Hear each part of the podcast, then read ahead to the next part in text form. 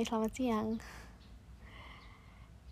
Di aku sih siang ya ini, tapi aku nggak tahu kamu bakalan dengerin ini di jam berapa. Kenalin, aku Jehan Erwita, biasa dipanggil Jehan atau kalau kamu mau manggil aku J aja juga boleh. Aku adalah orang yang akan membawakan podcast bahasan Jehan dan ini adalah podcast pertamaku. Jadi aku sadar betul bahwa masih banyak kekurangan yang aku dapati di podcast ini. But I will try my best untuk episode pertama dan perdana hari ini. Aku bakalan bawain tema yang cukup relate dengan kehidupanku pribadi begitu. Life quarter crisis. Ada yang udah pernah dengar kalau kamu belum pernah dengar atau masih bingung gitu ya apa sih sebenarnya life quarter crisis gitu ya aku bakalan bacain pengertiannya ini menurut Wikipedia.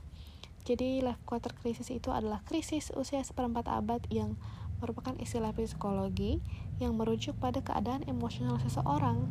Nah umumnya life quarter crisis ini terjadi dan dialami oleh orang-orang yang berusia 20 hingga 30 tahun jadi sebenarnya sih kalau boleh dibilang secara singkat life quarter crisis ini adalah keadaan emosional seseorang. Ya tentang hidupnya tentang karirnya tentang percintaannya kayak gitu. Terus apa sih sebenarnya emosi-emosi yang mungkin muncul gitu? Ketika kamu sudah kena life quarter crisis yang pertama. Mungkin emosi akan kekhawatiran tentang masa depan kamu. Terus juga emosi-emosi mengenai keraguan kamu terhadap diri kamu sendiri. Dan yang ketiga, emosi akibat kamu bingung untuk menentukan arah hidup kamu. Kebayang ya kayak apa pusingnya gitu.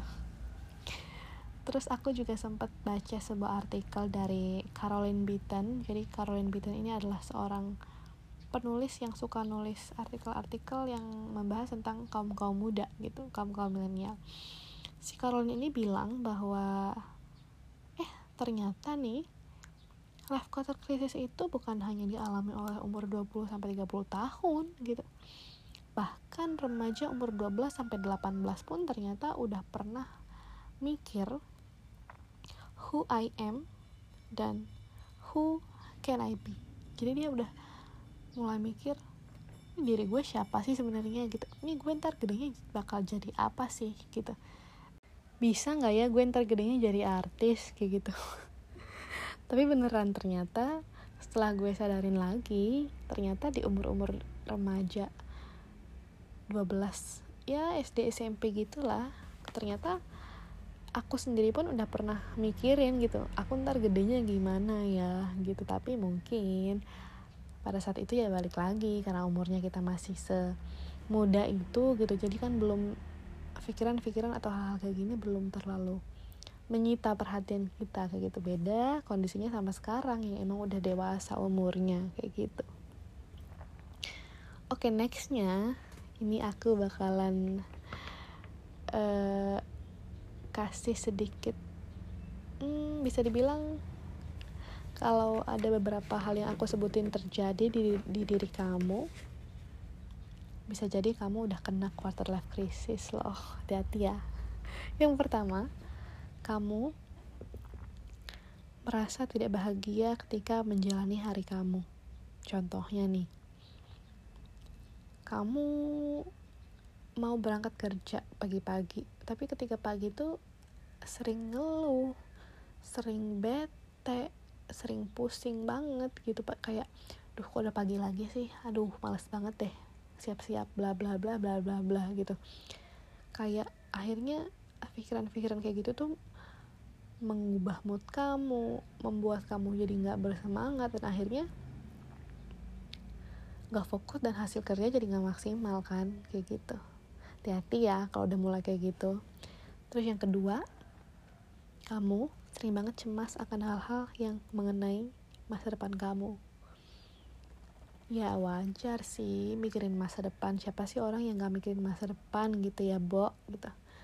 Tapi ya balik lagi kalau misalnya kamu terlalu khawatir kamu terlalu cemas dan akhirnya akan membuat perasaan tidak nyaman dan tertekan gitu akhirnya kamu sendiri loh yang rugi gitu. Dan mungkin nanti ujungnya akan kena ke fisik dan mental kamu akibat kamu terlalu memikirkan dan terlalu kepusingan akan hal ini. Jadi hati-hati ya karena menurut aku 2020 udah cukup pusing dan bikin stres. Ya ayolah 2021 kita harus lebih positif harus lebih happy dan tinggalin lah rasa-rasa khawatir yang berlebihan rasa cemas yang berlebihan untuk diri kamu juga kok ujungnya gitu yang ketiga ini adalah hal yang cukup terjadi sih di diri aku. Kamu terlalu sering membandingkan diri kamu dengan orang lain. Nyadar nggak? Kalau terkadang kita suka menjadikan orang lain sebagai acuan hidup kita. Contohnya nih, teman kuliah kita di umur 24 atau 25 mungkin dia udah settle, udah bisa nabung banyak, udah punya karir yang cukup baik begitu. Kemudian uh, di umur 26 mereka sudah menikah dan akhirnya uh, punya anak dan kayak happy, happy banget gitu. Hidupnya tuh kok kayak duh kok hidup lo kayak rapi banget gitu. Sementara kita kayak masih gue kok kayaknya masih gini-gini aja ya gitu padahal sebenarnya nih ya tiap orang kan punya timing yang beda-beda gitu. Dan akhirnya akibat kita terlalu sering membandingkan diri kita sama orang lain akan ada muncul perasaan minder perasaan kecil diri perasaan kecil hati sama diri kita sendiri. Dan itu nggak enak banget untuk diri kita sendiri gitu. Jadi ya coba untuk ya kurangilah um, banding bandingin dari kamu sama orang-orang sekitar kamu kayak gitu. Kemudian ini aku punya tiga tips yang mungkin ya bisa kamu jadiin pembelajaran lah ya mungkin supaya kamu dapat terbebas dari life quarter crisis yang gak ngenakin banget ini. Ya emang gak enak banget kan life, life quarter crisis ini gitu. Yang pertama kamu harus tahu diri kamu sepenuhnya. Maksudnya gimana tuh, J? Kamu harus tahu kelebihan kamu apa, kamu harus tahu kekurangan kamu apa, kamu harus tahu apa yang mau kamu capai, kamu harus tahu apa yang bisa kamu kerjakan dengan baik, kamu harus tahu apa sih sebenarnya dream job kamu atau pekerjaan impian kamu, dan kamu harus tahu goals-goals apa yang sangat-sangat ingin kamu raih dalam hidup kamu. Kalau kamu udah dapet jawabannya, jadikan itu sebagai pedoman untuk kamu menjalani hari-hari kamu. Jangan pernah terdistraksi atau terganggu atau terpengaruh sama orang lain yang emang jalannya udah beda-beda gitu. Bahkan orang kembar sekalipun punya jalan hidup yang berbeda. Gimana kita yang jelas beda orang, beda kepala, beda semuanya dan balik lagi itu nggak akan bisa disamain diri lo sama teman lo teman lo sama temennya lo nya lagi dan trust your timing gitu. Kamu harus percaya sama diri kamu sendiri bahwa kamu akan punya waktumu sendiri. Ya gitu. Yang kedua setelah kamu tahu nih kamu uh, ingin seperti apa sih hidup kamu kamu harus buat plan atau perencanaan hidup kamu untuk lima tahun ke depan. Gimana sih caranya gitu gak usah muluk-muluk dari hal yang gede-gede dulu. Lakuin aja hal kecil yang bisa buat kamu happy yang bisa buat kamu merasa oh kayaknya kalau gue kayak gini cita-cita gue pelan-pelan bisa nih. Mulai bisa terlihat nih kayak gitu. Jadi lakuin langkah-langkah kecil yang berdampak pada goals kamu dalam hidup. Dan yang terakhir gunakan sosial media untuk hal-hal penting dan bijaksana. Jadi berhentilah untuk uh, terlalu melihat hidup orang lain dengan apa yang mereka pamerkan di sosial media gitu ya karena gak semua apa yang dipamerin di sosial media itu bener loh gitu ya emang sih kita hidup di area digitalisasi yang sangat-sangat modern gitu ya. Semuanya serba transparan apa pun bisa kita lihat apa pun bisa kita ketahui gitu. Tapi balik lagi